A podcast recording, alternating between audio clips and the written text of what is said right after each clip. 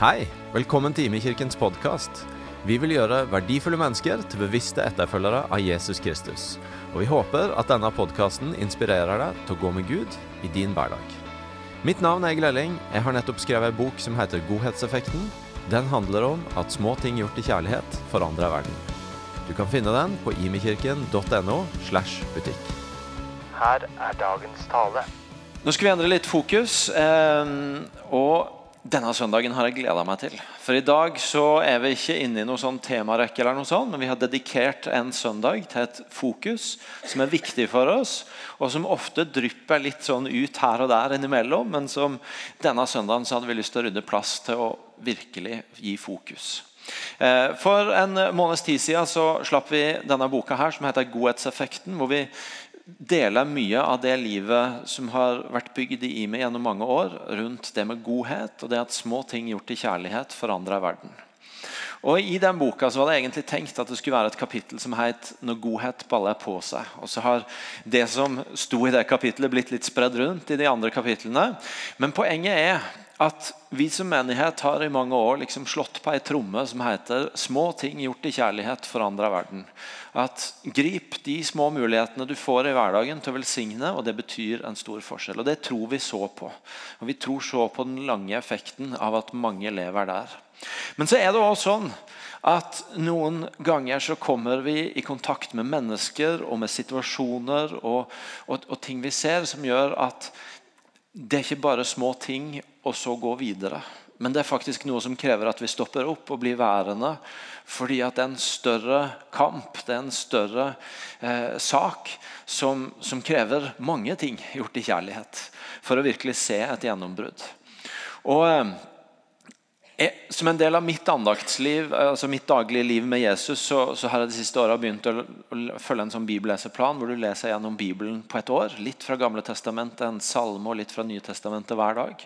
Og noe av Det som har slått meg når jeg har, har kommet inn i å lese Bibelen på den måten, det er hvor ofte du kommer borti i Bibelen dette med at Gud har et hjerte for mennesker som er undertrykt, som ikke kan kjempe sin egen kamp, som opplever urett.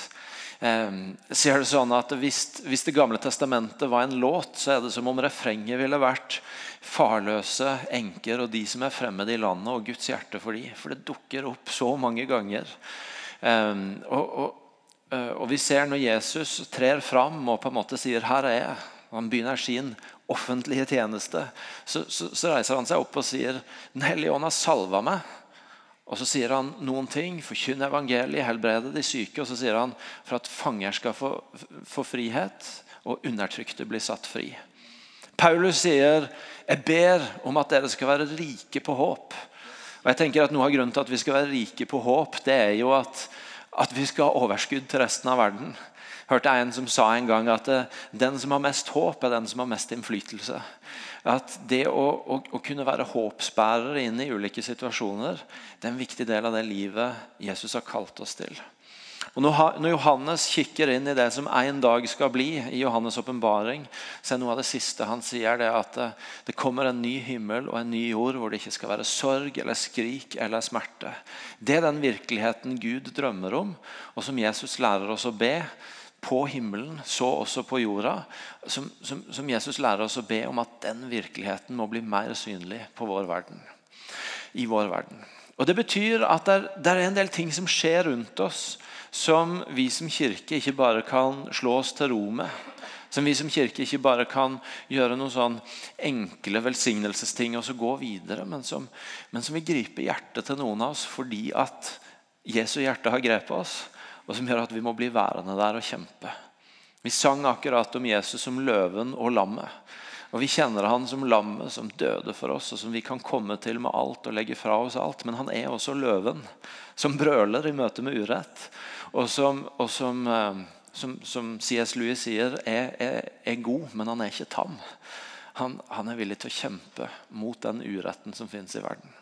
Og Derfor hadde vi lyst til i dag å rydde plass til at dere skal få møte noen av de som er i vår menighet, og som hører til her, og som med det som base nettopp har stoppa opp for en urett og, og, er med på å kjempe en kamp i møte med urett. Og Vi gjorde dette i formiddag, og jeg kan si det dere skal få møte nå, er er ganske sånn eh, fortetta innhold. Fordi at dere skal få møte noen mennesker rundt fire saker som, som brenner for noe, og som har tenkt, tenkt lenge på noe, og som, og som, har mye å melde. Og som ikke bare har tenkt, men de har levd. Og som gjør at de har mye å dele. Så gjør deg litt sånn klar. Fest stetebeltene. Her er det mye å ta inn på kort tid. Um, og så skal vi få lytte til det de har å si, og så skal vi etterpå få be for dem, og vi skal få gi litt inn i noe av det de har delt om.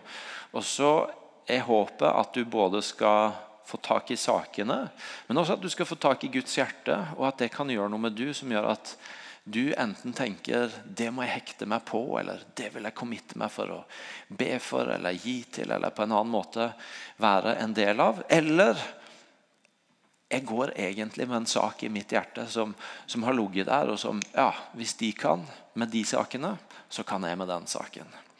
Så Det er utgangspunktet. Og Første mann ut som dere skal få møte, det er ingen ringere enn eh, en av våre internasjonale ledere. Han heter Terje Høiland. Dere må gi han en applaus.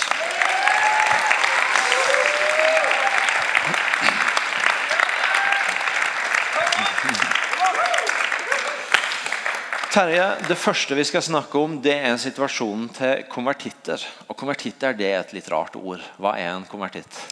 Konvertitt er rett og slett eh, noen som eh, skifter religion i en eller annen retning. I vår sammenheng så liker vi jo definitivt best når det er f.eks. fra en muslimsk bakgrunn til en kristen tro. Buddhistisk bakgrunn til en kristen tro. Eh, og i Norge i de siste årene så har det jo vært aller mest muslimer som har fått omfavne mer og mer av hvem Jesus er, og kommet til tro på han. Har vi noen konvertitter hos oss? Det har vi. Og uh, vi har vært utrolig velsigna med at folk fra ulike land har kommet til byen vår. Har fått lov til å møte folk som, som dere. Fått lov til å møte en godhet som gjør at um, de har blitt nysgjerrige, uh, og som har kommet til tro på Jesus. Noen er fremdeles iblant oss, andre har reist videre. Og så er frustrasjonen at vi opplever at ikke alle blir trodd på at de er kristne?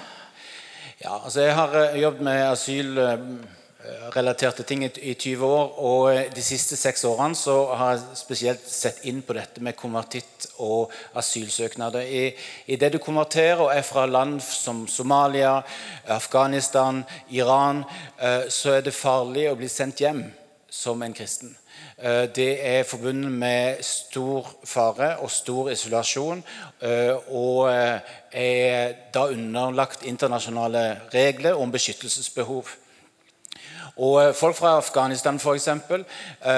Der er der alle er enig i at er det en eksmuslim som har kommet til tro, så kan han ikke sendes tilbake. Utfordringen er at veldig mange av de som er fra Afghanistan, og som har kommet til tro, ikke blir definert som kristne. Og En av de som vi har sett at tror Han har leda andre til tro i denne menigheten. Han er en bibellærer. Han heter Benjamin. Han ble ikke trodd. Han måtte vi rett og slett sende ut. Han uh, måtte vi sende videre og er i Frankrike akkurat nå. Uh, og um, Jeg hadde jo sett det veldig tydelig før at systemet klarte ikke å, å, å fange opp hvem som er reelle kristne, og hvem som ikke er det. Eh, og idet Benjamin ikke ble trodd, først i forvaltning ute i UNE, så i tingrett og i lagmannsrett, så skjønte jeg, eh, om jeg noen gang hadde vært i tvil, så skjønte jeg at her har vi et systemproblem vi er nødt til å gjøre noe med. For her klarer ikke systemet, eh, myndighetene våre, å se forskjell. og Så jeg ringte Benjamin i går, så vi hadde en prat på Skype. Så her kommer Benjamin.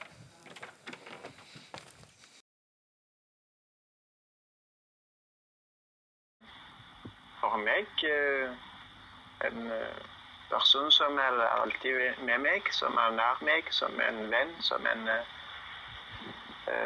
som, er, som min frelseren, som, som alltid gir meg ro og, og gir meg den roen når jeg tenker på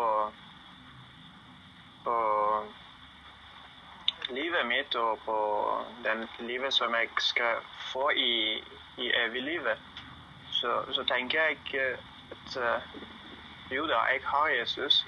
når jeg eh, har han, at når jeg tror på han, så, så jeg, jeg, jeg tenker at eh, jeg føler fornøyd. Jeg Jeg føler at eh, han er, han er her, og han, han kan han gjorde det, og han betalte den prisen som jeg skulle betale, og han har tatt den uh, skaffen som jeg skulle eh, eh,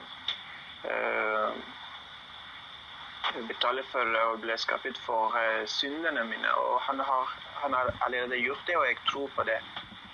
Så det gir meg ro, og jeg blir så rolig for det.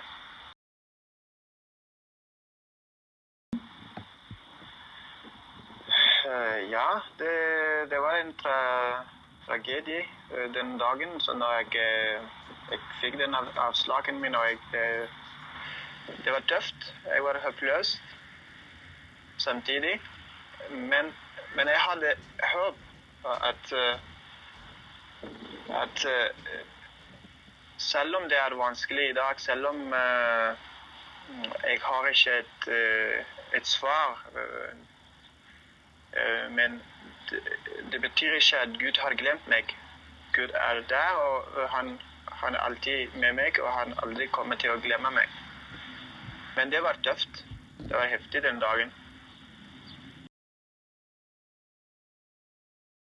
Jeg tenker at uh, Personlig jeg eh, tenker at uh, norske myndighetene uh, har, har ikke hatt den kapasiteten for å, å finne og se troen. Fordi fra min del at når, når, eh, når vi vurderer en tro eller en kristen eller en uh, generelt eh, religionen, så må vi ha en person som har kapasitet, en som har erfaring, og en person som vet mye om tro, om religion. Uh, men personlig jeg tenker at med meg, når jeg hadde den aften, møtet med, med dem, så hadde de ikke denne, denne personen som har erfaring, og som, som visste mye om hvordan han kan, eller hun kan vurdere troen min.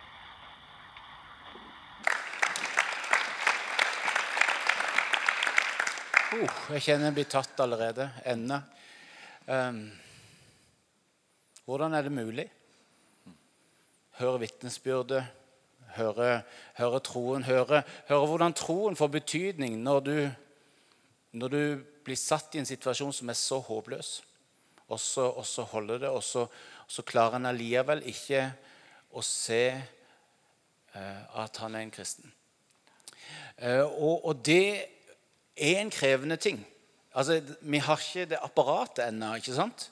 Som du kan holde opp og så se 30% nei, det var den veien, 30% kristen, eh, 80% altså, Det fins ikke. sånn at, at det er en krevende oppgave, er, er lett å forstå. Eh, Og spesielt for en dommer og for de som jobber med dette, som sjøl i liten grad har en egen tro. Så skjønner en at, at dette er, er vanskelig. Da er problemet ganske godt beskrevet. Hva er løsninga? Vi har, eh, vi har jobbet langs to spor nå i fem-seks år. Først så bygget vi opp et, eh, et konvertitteam her på huset for å danne oss et bilde av, av hva som var situasjonen. Vi hadde opptil to konvertitter på besøk eh, til observasjon eh, per måned. eh, og fikk også lov til å se litt av nivået på, rundt, rundt forbi i menighet i forhold til hvordan en tok imot konvertitter eller ikke gjorde det og oppdaget at noe av- løsninga lå eh, i forhold til å heve kompetansen til Kirke-Norge. For en eh, to års tid så, så begynte jeg å ringe rundt til de ulike kirkesamfunn og organisasjoner og så sa skulle ikke vi satt oss ned og så sett om vi kunne gjort noe med dette. Og, og veldig mange sa vet du hva, det har vi hatt på lista lenge. Fantastisk, vi er med. Og plutselig så satt vi rundt bordet med de fleste kirkesamfunn i, eh, i landet og fikk lov til å begynne å jobbe ut en, eh, en manual og et ressursdokument. Andrea Lunde herifra og meg sammen med Endre Steni fra Misjonssambandet og Steinar Ims fra Mellomkirkelig råd eh, ble skrivegruppe. Og Så traff vi de andre hver sjette måned, jobbet gjennom det vi hadde jobbet ut, og så gikk vi hjem og jobbet videre. Etter to år, eh, på torsdag i forrige uke, eh, så var dokumentet klar eh, og ble feira inne i Oslo, på Kirkens hus, med brask og bram. Og eh, nesten samtlige kirkesamfunn i Norge eh, har stilt seg bak dette og sagt at dette vil vi, vil vi være med og bruke aktivt. Norges kristne råd, som har 40 ulike kirkesamfunn, inkludert katolikkene og de ortodokse, eh, vedtok at de stiller seg bak, osv. osv. Eh, Frikirka hadde sin pastorsamling nå eh, for en halvannen uke siden og, og, ga ut dette til alle sine pastorer for at de skulle ta det med seg hjem osv. Og På den måten så har vi langs det sporet eh, vært med og bidratt til at vi får en felles tenkning av hvordan vi tar imot konvertitter, hvordan vi disippelgjør. Eh, og på den måten så hjelper vi òg forvaltninga, eh, som da møter trente folk. Som, som, har fått en trening i kristen tro, som klarer å forklare om den troa de har inni seg, på en enda bedre måte. Samtidig som vi får uh, trente ledere som kan være med og hjelpe oss som er kirka i Norge, til å se Norge vende tilbake til Gud. Så Det er det ene sporet. Og Det andre sporet uh, har vært uh, langs ei politisk linje.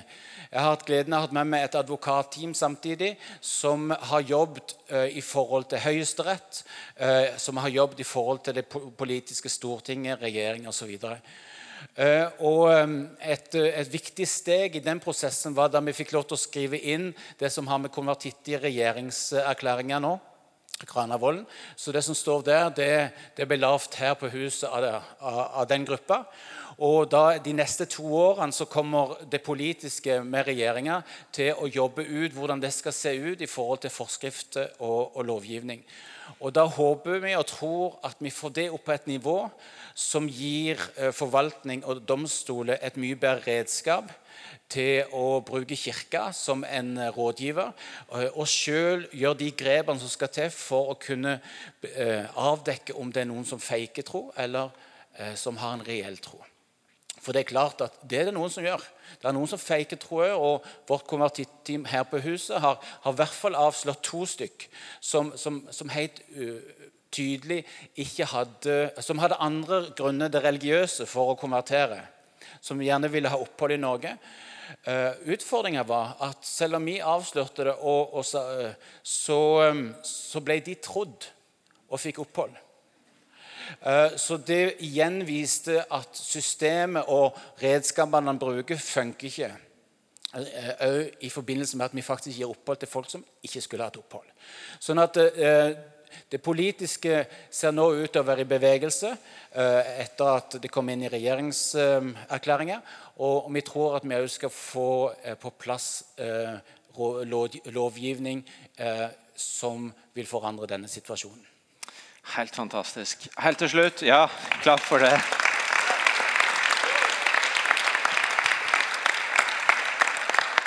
Helt til slutt, En av våre egne har lagd ei fantastisk forside til det konvertittdokumentet. Bjørn Mike Boge.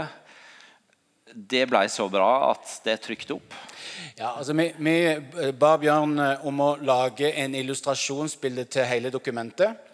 Og Gud begynte å tale til han og jobbe med eh, han, og han tegnte da en eh, konvertitts møte med Kristus og Kristus møte med konvertitten som, som ble så bra at flere av oss sa den skal jeg ha på veggen. Så da snakket vi med trykkeriet, som Eh, fant fram sitt dyreste og beste uh, sånn kunstpapir og trykte 250 eksemplarer av denne, signert og nummerert av kunstneren, og 100 stykk som er A4-størrelse, som vi da selger til inntekt for konvertitter. Det kommer til å stå rett ute med, med kaffebaren her ute. Der er enda litt igjen, men det er åpenbart at det kommer til å gå unna. Så forberedt julegave og diverse. Um, vanligvis koster denne 750. Uh, I min pris er 500 enn så lenge. Og det samme for den som er A4 og har bare 100 eksemplarer. Så du som er interessert i kunst, og som samtidig vil ha noe helt unikt, så ses vi der ute etterpå. Takk skal du ha, Terje.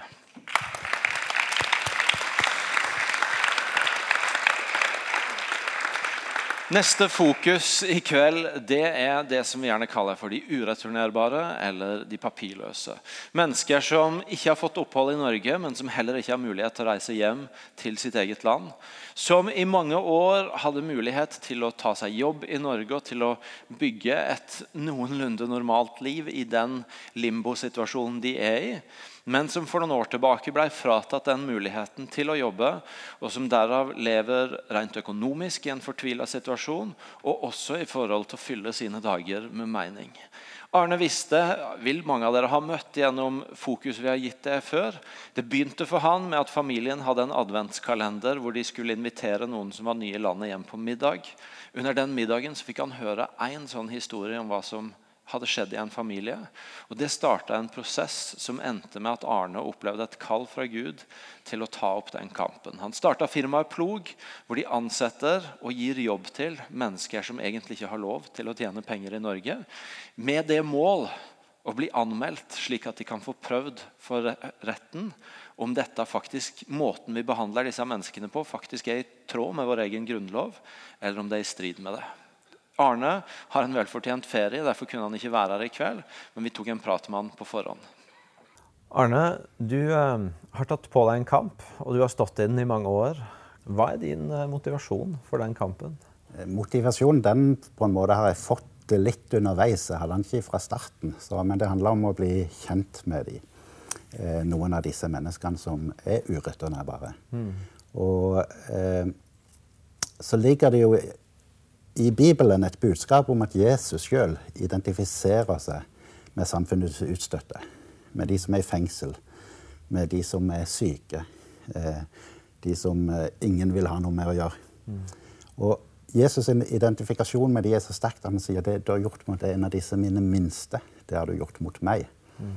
Eh, og det er en del av gudstjenestelivet å ha oppmerksomheten retta på sosiale forhold og på de som Jesus identifiserer seg med. Så jeg tenker når jeg i lovsangen søker Gud, og i lovsangen søker Jesus, mm. så er det veldig, veldig flott. Men en annen måte som er like flott, det er å søke Jesus i øynene på disse menneskene. Så det er det ene aspektet med det. Så har jeg et annet aspekt òg som ligger bak. Og det har modnes mer fram underveis gjennom disse årene det, det aspektet at Jesus han kom ikke her for å trykke meg ned. Han kom ikke for å fordømme. Han kom ikke for å holde meg i sjakk. Jesus sin motivasjon det var frelse og gi liv i overflod eh, til meg. Og Jesus han vil alltid løfte oss. Når vi faller, så vil han løfte oss. Mm. Eh, og den bevegelsen som er oppover, den er helt sentral i, i vårt kristne livssyn. Mm. Og den tenker jeg, den preger også oss som uh, i vår kristne kulturarv mm. og i samfunnslivet.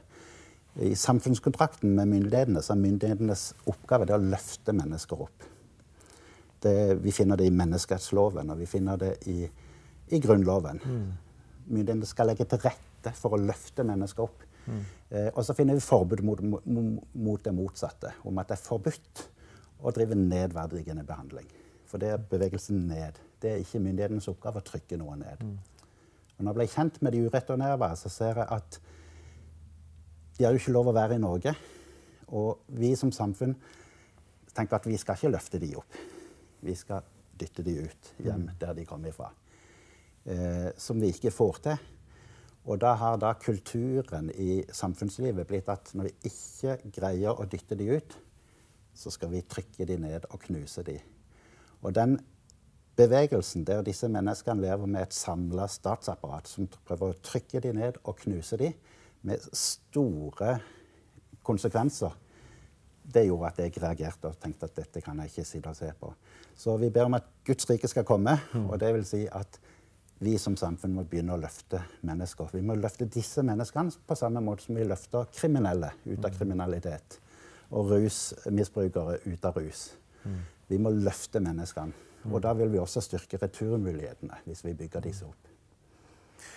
Du har snakka om denne kampen som et kall som du har fått, og mm. svaret du nettopp ga, viser hvor tydelig du henter motivasjonen din fra hvem Gud er, og hva han gjør. Eh, har du lært noe nytt om Gud, om hvem han er, i løpet av denne prosessen? Ja. Eh, for det første så, så, har egentlig Gud alltid vært ganske fjern i 30 år av mitt voksne liv. Og jeg har ikke fått til andagslivet mitt så veldig mye og sånt. Eh, og så har jeg på en måte lagt det i Guds hender og sagt at jeg er hans trygge barn likevel. Takk Gud for det. Men så har plutselig Gud blitt veldig konkret og tydelig i disse siste årene. Og bibelvers etter bibelvers og masse, masse ting som går rett på, og som jeg suger til meg, og som bygger meg opp. Så, og jeg ser ofte at Guds hjerte det handler veldig ofte om rettferdighet. Er, han er veldig opptatt av rettferdighet, Gud. Og det aspektet med Gud har blitt veldig veldig sterkt i, i, i disse eh, årene som jeg har jobba med det. At Gud vil rettferdighet. Han vil sannhet. Han vil åpenhet og lys og rettferdighet. Mm. Eh, og da er han så sterk og så trofast at når jeg går på det med lys, sannhet, åpenhet og rettferdighet, så er jeg trygg ennå. Mm. Sett utafra så eh, er det jo en sånn litt kontrastfylt eh, virkelighet du lever i. Fordi at du, du, eh, du har opplevd eh, ganske sånn både vanskelig behandling fra politiet og frustrerende behandling fra det offentlige. På den annen side så blir du feira, du reiser til Oslo og mottar pris mm. for det arbeidet du gjør. Det er en sånn dobbelthet her. Kan, kan, du si noe om hva du opplever både har vært prisen å betale, men kanskje også det du underveis opplever at du har fått ved å stå i denne kampen? Ja um Sånn ytre sett så har nok noen av de tingene jeg frykta. Hvordan blir det med økonomi, og hvordan blir det med forskjellige ting? Eh, jeg har frykta. Og jeg har eh, lidd ganske sterkt i, i, en del år på at eh, jeg ikke har greid å få jobb som konsulent. Fordi at jeg blir avvist når jeg søker jobb pga. dette kontroversielle engasjementet. Så jeg har hatt uh, år med arbeidsledighet. Vi har solgt bilen, vi har gått nedskalert på bil og toppa huslån og litt økonomiske konsekvenser som på en måte du kan kalle prisen. Uh, men egentlig så kjenner jeg med hele meg at dette er det verdt å leve for. Dette gir så mye liv. Det er så fantastisk spennende. Fantastisk meningsfylt. Eh, og jeg takker Gud for dette engasjementet igjen og igjen og igjen. og igjen. For det er så mye godt. Og det, det, er, ikke, det, det er ikke pengene som gir oss liv. Det, er helt andre elementer. Så jeg kjenner på veldig veldig takknemlighet for, eh, for, eh, for det kallet jeg har fått, og for at jeg kunne gå på det. Arne, når du ser på din egen historie fra du kjente kallet mens du satt og underviste på blå gruppe, eh, og til der du er i dag, eh, tenker du at det er noe vi andre kan lære av det som har vært din reise? Ja, jeg tenker jo at, eh, at for det første at Gud er trofast. Og det å ta noen kontroversielle valg, eller å stå opp, stikke hodet fram, som kanskje var det som skremte meg aller mest i starten. Mm. Å ta en plass. Mm. Eh, hvis du baserer det på rettferdighet og sannhet og åpenhet og på verdier som heter Guds hjerte, så har vi ingenting å frykte. Eh, og det, det kommer til å prege meg resten av livet. Det handler ikke bare om disse asylsøkerne, men det handler om arbeidsliv og menighetsliv og familieliv. Eh, det er lov å stå fram og det er lov å flagge det som er riktig, og være tydelig. Og spesielt i arbeidslivet så kan det bli mye stygt og skittent spill og en kamp om posisjoner og, og, og snusk og fanteri i mye privat næringsliv. Eh, og da er det å ha tillit til at Gud, dette kan jeg stå fram med, og Gud vil bære gjennom dette i alle livets forhold. Det tror jeg vi alle kan lære av en sånn prosess. Mm. Tusen takk, Arne, for det du deler med oss. Og først og fremst tusen takk for den kampen du tar. Eh, jeg skulle ønske at du var her i dag og kunne ta imot eh, applaus og takk fra menigheten. Men eh, grunnen til at du er på video, er at du er på ferie. Og det unner vi deg veldig. Så jeg håper at du koser deg når vi ser dette.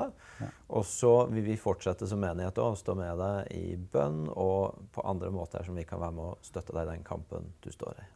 Tusen takk for det.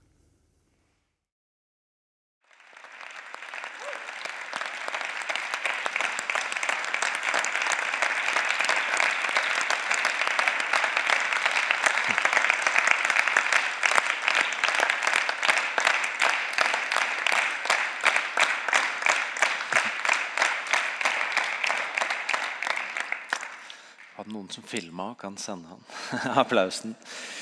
Eh, Det gjør inntrykk. Eh, masse av det Arne sier. Eh, og kanskje for min del, skal jeg personlig si, kanskje aller mest når jeg har sett dette to ganger i dag, det han beskriver om denne bevegelsen, skal den gå på å trykke mennesker ned eller å løfte dem opp? Guds rikes bevegelse er alltid å løfte mennesker opp. Og da er det, dette verdt å kjempe for. Vi skal gå videre til fokus nummer tre i kveld. Nå har vi hatt to som har handla om mennesker som er nye i landet vårt. Eh, vi har også mennesker som blir født i landet vårt, men som blir født inn i situasjoner som av ulike grunner er krevende å leve i og vokse opp i. Og noen barn i landet vårt kan ikke lenger bo hjemme av ulike årsaker. Det er ikke et trygt sted. Det er ikke et sted for de til å bli løfta opp. Og Det betyr at til enhver tid så er det en god del barn og unge i vårt land som trenger et annet hjem å få bo i. Som trenger noen som sier dette kan være hjemmet ditt. Som menighet så opplever vi ganske jevnlig at eh, vi får telefon fra kommunen som spør, sier vi trenger flere fosterhjem. Kan dere som menighet hjelpe oss? Har dere noen? Og Det er en situasjon som er veldig nært oss, og som egentlig vi opplever etter å ha sett over tid, det alltid er behov på. Og, og, som vi ønsker å løfte fram også i kveld. Og da, til, til, å gjøre det så skal dere få møte en av familiene i menigheten eller et av ekteparene i menigheten som har valgt å gjøre det. Som har åpna hjemmet sitt, og som har vært fosterforeldre. Ta godt imot Siri og Eilif Rasmussen.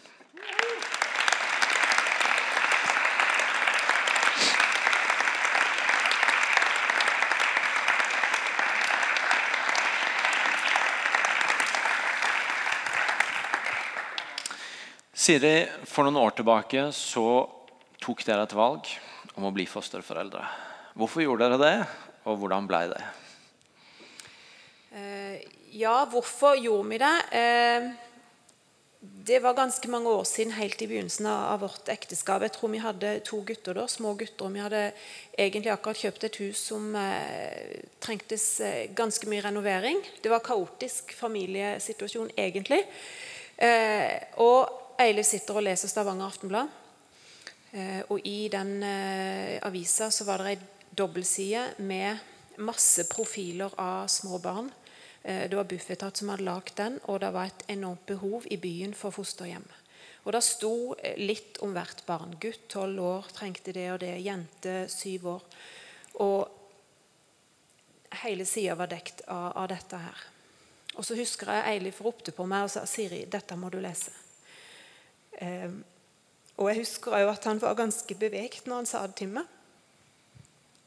Og jeg satte meg ned og leste det. Og jeg kjente òg at det rørte veldig med hjertet mitt.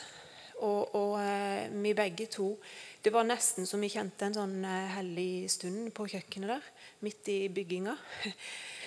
og, og tenkte at dette kan vi faktisk være med på. Uh, så, men det ble liggende der en stund. Det var ikke noe som lot seg gjøre der og da. Eh, men i 2012 så eh, starta vi, eller vi var kanskje i 2011, så starta vi en prosess med å gå på kurs og, og sånt. Og, og, ble fosterforeldre i 2012. Mm. Hvordan mm. ble det? Det, det, var, det, var, veldig spennende. Dette her var jo en prosess som våre tre barn var en del av, og vi snakket mye med dem om dette. Og eh, det var kjempespennende. Husker jeg den dagen vi skulle få besøk av Kenny, som han heter. Eh, og ingen av oss hadde truffet han før. Um, han skulle hjem til, til, oss og besøke oss. Og nesten hele huset sto og dirra. Det var kjempespennende. Så flytter han inn til oss, og selvfølgelig så, eh, så er det ingenting av det som går knirkefritt. Det kunne være utfordrende, det kunne være vanskelig. Eh, men vi opplevde jo at eh, vi var med å gi en gutt håp på en framtid. En gutt som vi tror hadde nok mista alt håp. Som ga blaffen i skole det var ikke så mye der framme som han gleda seg til og så fram til. Eh, og vi har jo sett nå i løpet av en eh, periode på fem-seks år at eh, nå har han faktisk fullført andre år på Universitetet i Bergen. Eh, og når han kom til oss, så var det egentlig Nav han tenkte på. For det kunne han gå på. Og det har jo vært kjekt å se. Mm. Det skal jo sies at det var familiemedlemmer hos oss som, som, som grein en liten skvett når de hørte at det var en 15 år gammel gutt som kom, og ikke en brun, søt liten en på fem år. Eh, som, som, som, de hadde sett for seg. Eh, for det var det vi snakket om, at vi skulle ha en, eh, en liten som var yngre. Og det er jo det som er anbefalt òg. Og så ble det en stor, stygg en på, på 15 istedenfor. Så det er klart det var litt å ta stilling til for våre barn òg. Det var det. Um, Eilif, du har jo sagt eh, noen ganger at du mener vi som kristne som menighet burde vært overrepresentert blant fosterhjem. Uh, og det går jo an å tenke sånn at Hvis bare alle kristne i Stavanger hadde bestemt seg for at nå løser vi den lista du ble berørt av i Stavanger Aftenblad, så hadde vi antagelig problemet vært løst.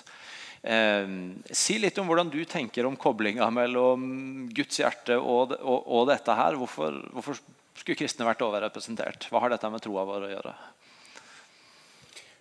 Det høres utrolig fint ut når du sier det, og jeg kjenner på en stor takknemlighet over at det er akkurat det du siterer. Eh, over ting jeg har sagt. Eh, det skal sies. Så nåde over nåde, Egil. Eh, jeg syns at Arne har illustrert det på en veldig fin måte. Det, han fikk sagt mye godt. Eh, Terje har sagt eh, mye godt eh, om det. Jeg har lyst til å, å bare trekke fram historien om den barmhjertige samaritan, som Jesus fortalte for 2000 år siden. Og som han mente var relevant da. Han mente at menigheten trengte det da, og jeg tror vi trenger det nå. Jeg tror vi trenger å bli minnet på at vi ikke skal vende blikket vekk. Jeg tror vi trenger å minnes på at det er vårt ansvar. Jesus har gitt oss det oppdraget, eh, enten det er fosterbarn, eller eh, holdt på å si, beredskapshjem eller en annen eh, virksomhet. Så tror jeg det at vi, ja Jeg tror vi skal være overrepresentert. Så skal det sies at det var en vandring for oss.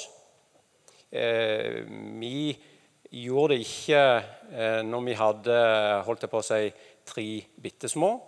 Eh, jeg tror ikke det er noe du, du, på en måte heller skal vurdere hvis du samtidig går til ekteskapsrådgivning eller sliter med noen andre Kjempestor krise i livet ditt. Men jeg tror heller ikke du skal vente til liksom alt er på G. For det blir det aldri.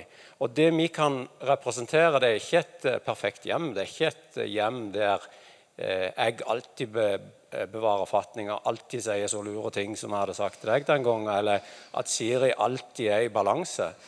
Eh, det, det, er det, det, er ikke det, vi har dratt med oss til Bufetat. Men vi har tatt med oss et alternativ som er så sinnssykt mye bedre enn det de hadde. Og det er godt nok. Ja. Fantastisk. Eh, ja.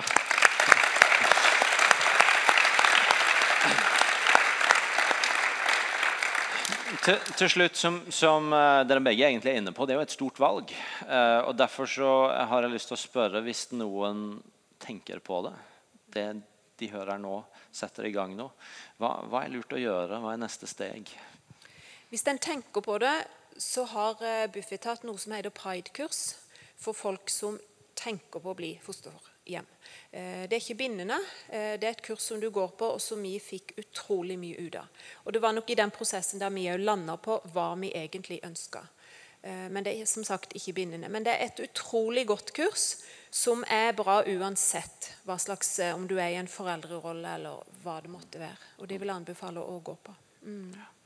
Og så vet jeg at uh, dere etterpå er tilgjengelig hvis noen har lyst til å høre litt mer fra dere. Det er mye mer som kunne vært sagt enn det vi har rukket nå.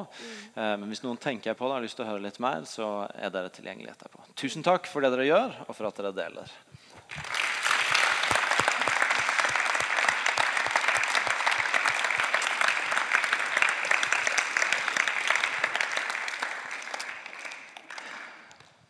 Går det bra? Ja, så bra. Vi skal ha ett fokus til.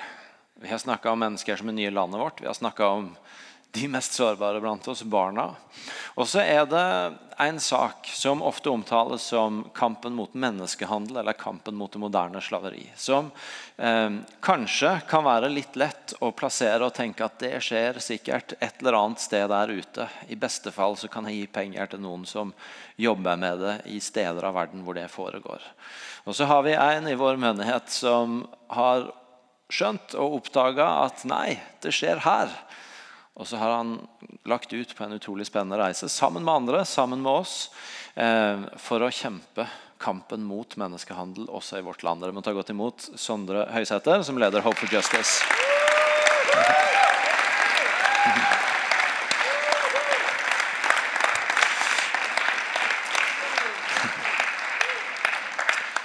Sondre, vi, vi, skriver litt om du òg i boka. Eh, og Noe av det som kommer fram der, det er at du òg har levd den med den tanken om at eh, menneskehandel det er noe som skjer et eller annet sted der ute. Hvordan oppdaga du at det har med oss å gjøre? Ja eh, Du eh, Jeg òg gikk jo og tenkte sant, at menneskehandel, det faktum at eh, mennesker eh, selges som eiendom. Sant? At de blir utnytta i sexhandel. det var liksom perspektivet mitt. Og så plasserte jeg det litt til Asia, og jeg hadde hørt om noe i Thailand.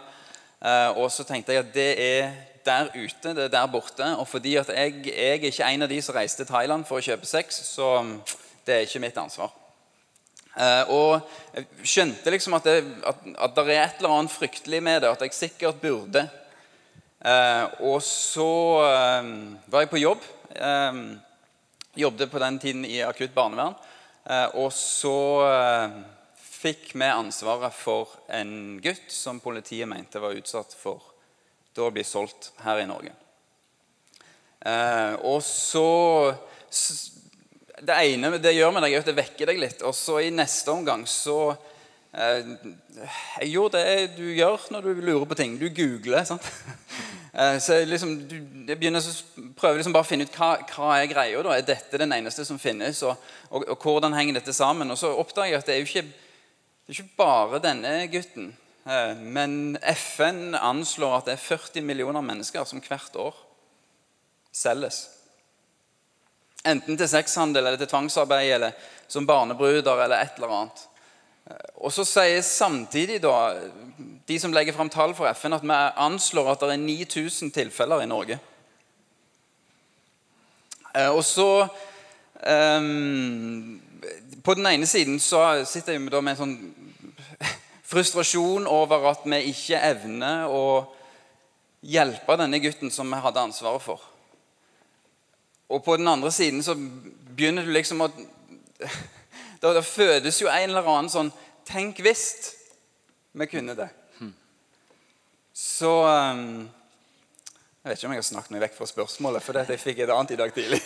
Men dette var det du ikke skulle gjøre. Uh, nei, men jeg, jeg, jeg, tror litt av, litt av poenget for, for, uh, for, for min del òg var jo nesten litt sånn hva, Det var jo så lære oss å forstå hva, hva er hva er det som skjer rundt oss? Hvordan gjenkjenner vi det? Og ikke minst, hva er det som stopper mennesker fra å ta imot hjelp? Mm. Og bare for å da spørre deg om det jeg skulle spørre deg om, så får du svare på det litt kortere.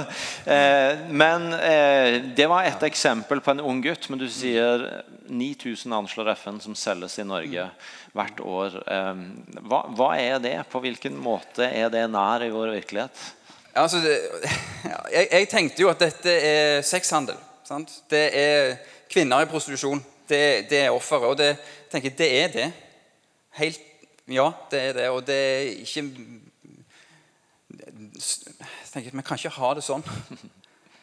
Eh, samtidig så tror jeg eh, Det som vi oppdager, er at majoriteten er jo likevel mennesker som utnyttes i tvangsarbeid, ikke i sexhandel. Eh, og de fleste av oss vi syns det er kjempestas sant? å få lov til å kjøpe jordbær til 15 kroner korgen.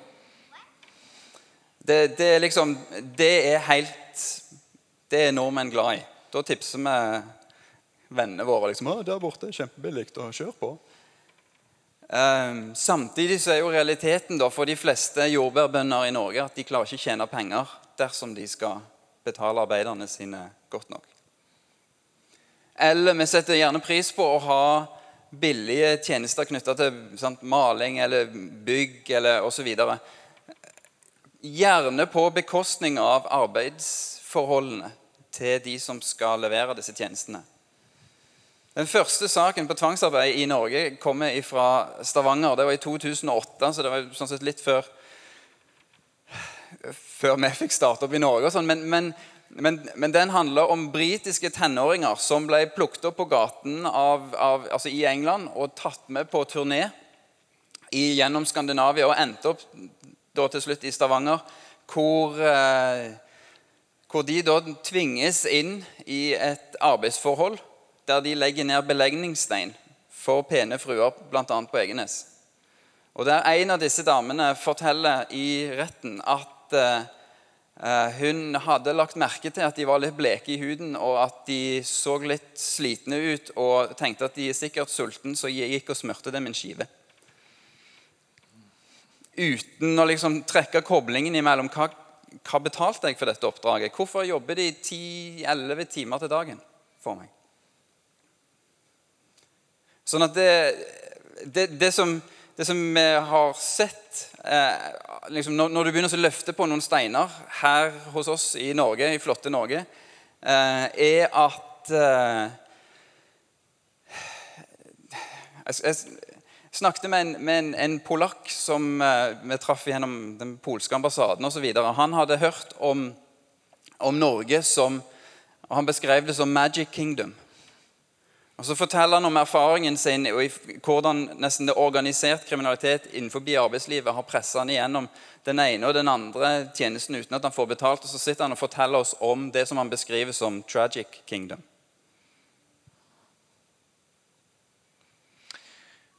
Så det er mye nærmere enn vi ofte tror. Avbrøt jeg deg nå? Ja.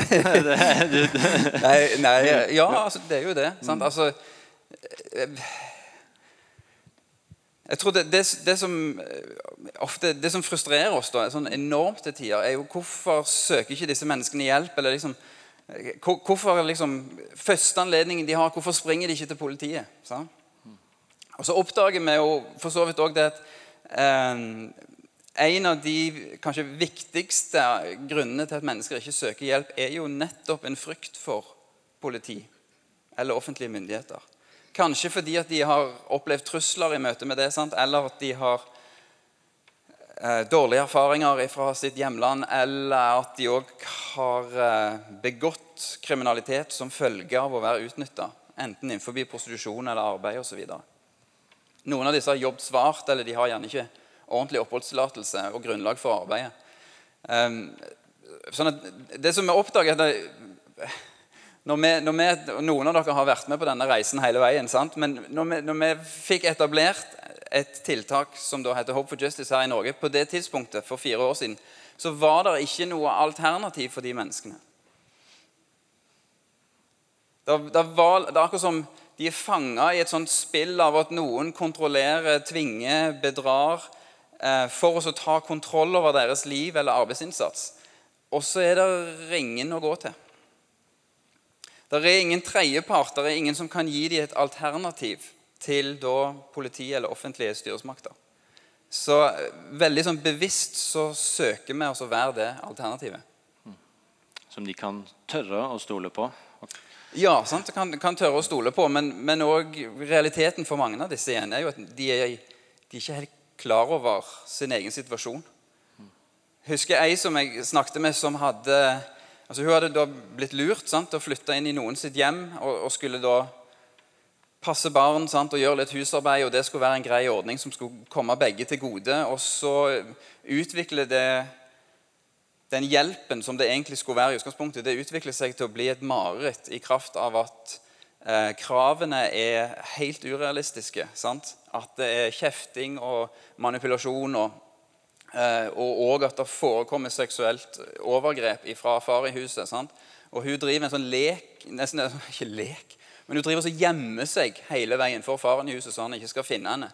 Eh, og så sitter hun og forteller til meg også, Det jeg sa til meg sjøl, er at dette blir bedre. Det går over. Det går over. Det går, sant? Det går ikke over. De som har lurt deg inn der, har ikke tenkt at dette skal gå over. Du er der for oss å være slaven deres. Så for noen av dem, når du stiller det spørsmålet, sant? for noen av dem så er det de, ikke, de, de, de klarer ikke å ta inn over seg hva som er situasjonen. Sant? Noen bare tenker dette er bare en dårlig jobb. Jeg var litt uheldig. Hvis jeg bare jobber lenge nok her, så får jeg sikkert det de har lovt. Sondre, du var selv inne på det. Det har gått fire år siden Hope for Justice ble etablert. Eh, Impuls har vært mye involvert i det. Du er en del av huset. Det er mange her som har fulgt prosessen tett, som har gitt, som har bedt, som har vært engasjert. Og eh, lyst på en liten sånn rapport tilbake. Hvor har vi kommet etter fire år? Ja. um, ja, hvor har vi kommet?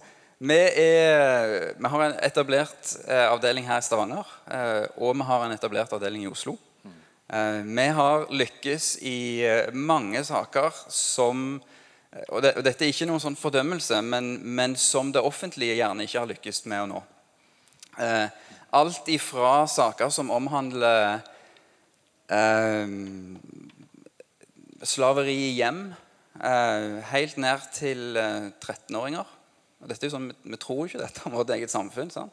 Til tvangsarbeid mennesker som har utenlandsopprinnelse, og òg mennesker eh, f.eks. knytta til sexhandel i vårt distrikt, som er født og oppvokst i Norge. Um, norsk som meg, liksom. Og Det er, bare, det er liksom sånn neste så, sjokkbølge å ta inn over seg. Det, og, og, det er ikke bare utenlandske arbeidere det rammer. Sant? Kynismen er like sterk, og sårbarheten hos noen nordmenn er like høy eh, og like enkle å utnytte. Eh, og bare for liksom sånn, en smakebit av det da, sånn på, noe av, den, noe av det vi står midt oppi nå, eh, så Og dette er jo litt sånn Jeg kan si ja, det er oss fem ansatte og en flott frivillig gjeng som gjør dette, men det er jo, det er jo liksom Det er jo oss. Vi hadde ikke vært der med i dag hvis det ikke var for den støtten som IMI har vært, som Impuls har vært, og, og andre kristne sammenhenger. Eh, men vi jobber nå å identifisere det, er litt sånn uavklart akkurat for øyeblikket, men vi har en plass mellom 20 og 30 personer som eh, utnyttes i arbeid i samme industri, av samme bedrift, eh, som, der det blir brukt kontroll og tvang til å fratar de retten over å bestemme over sitt egen arbeidsinnsats. Eh, og eh,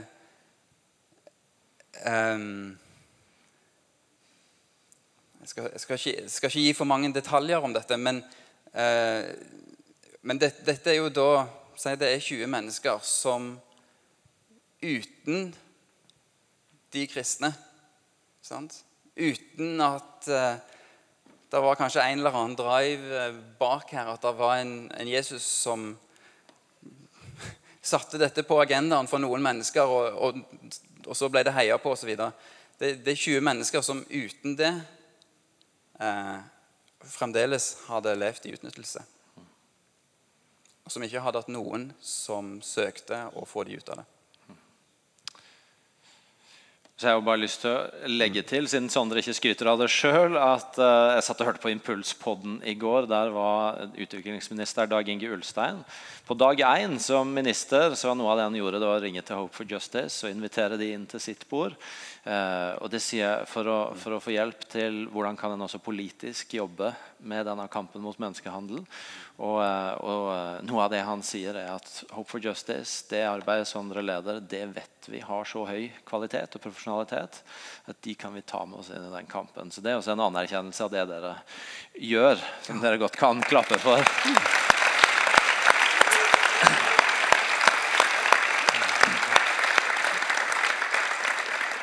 Sondre, vi nærmer oss en avrunding. Nå har vi hørt masse i dag om mm. eh, folk som leder an, og viktige saker.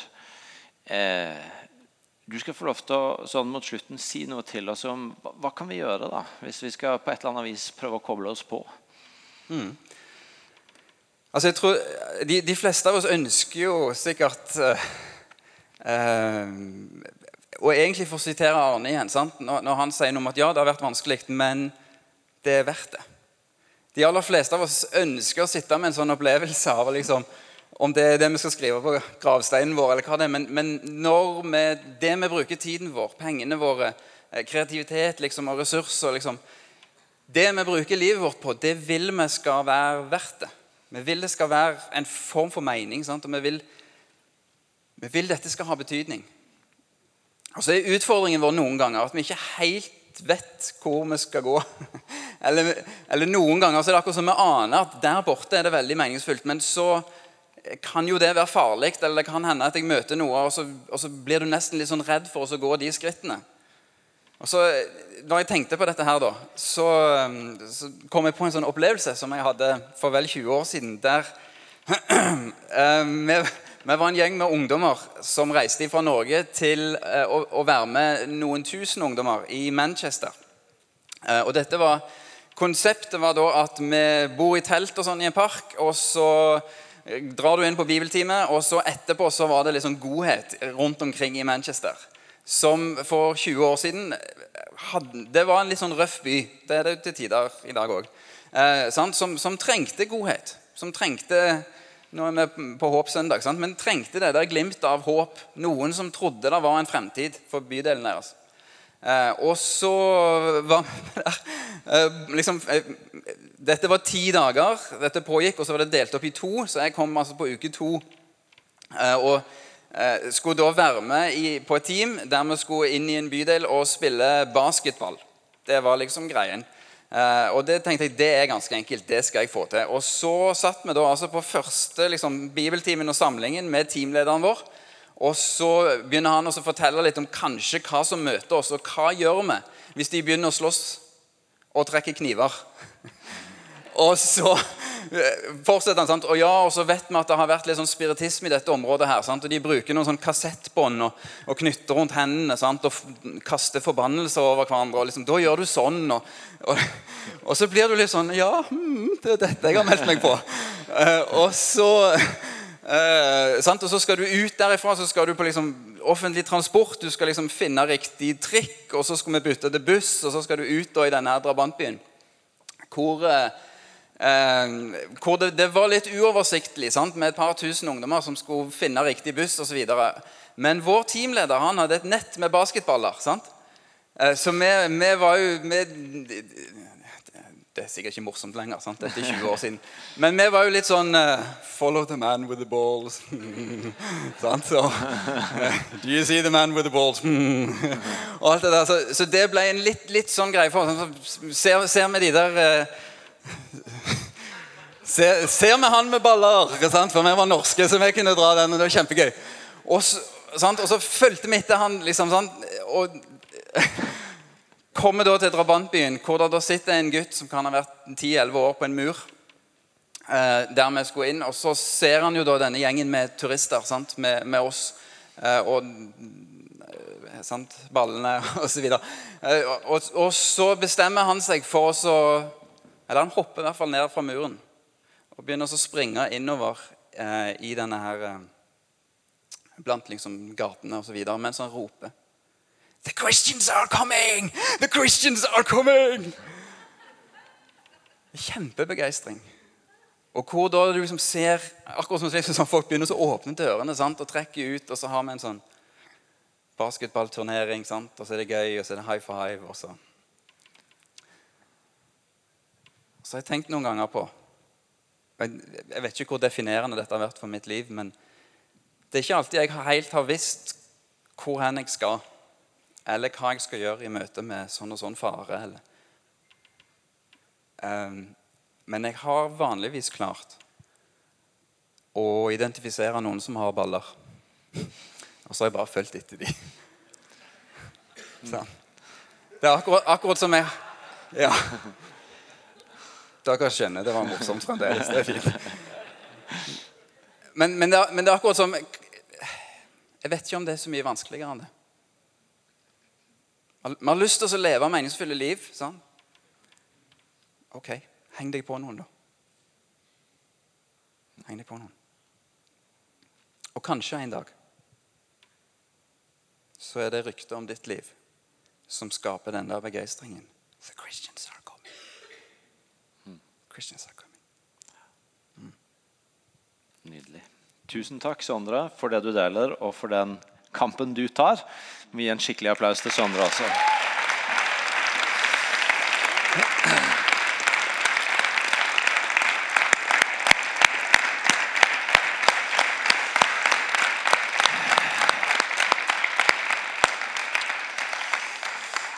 Wow. Dette er helter vi har fått møte i kveld, altså, som identifiserer noen områder som er så viktig, og noen mennesker som er så viktige å kjempe for, og som samtidig kobler det så tydelig til den Jesus de tror på, og til Guds hjerte for disse menneskene. Og Jeg håper at du både har latt deg berøre av sakene, men også av Guds hjerte som banker i de sakene, i det du har hørt.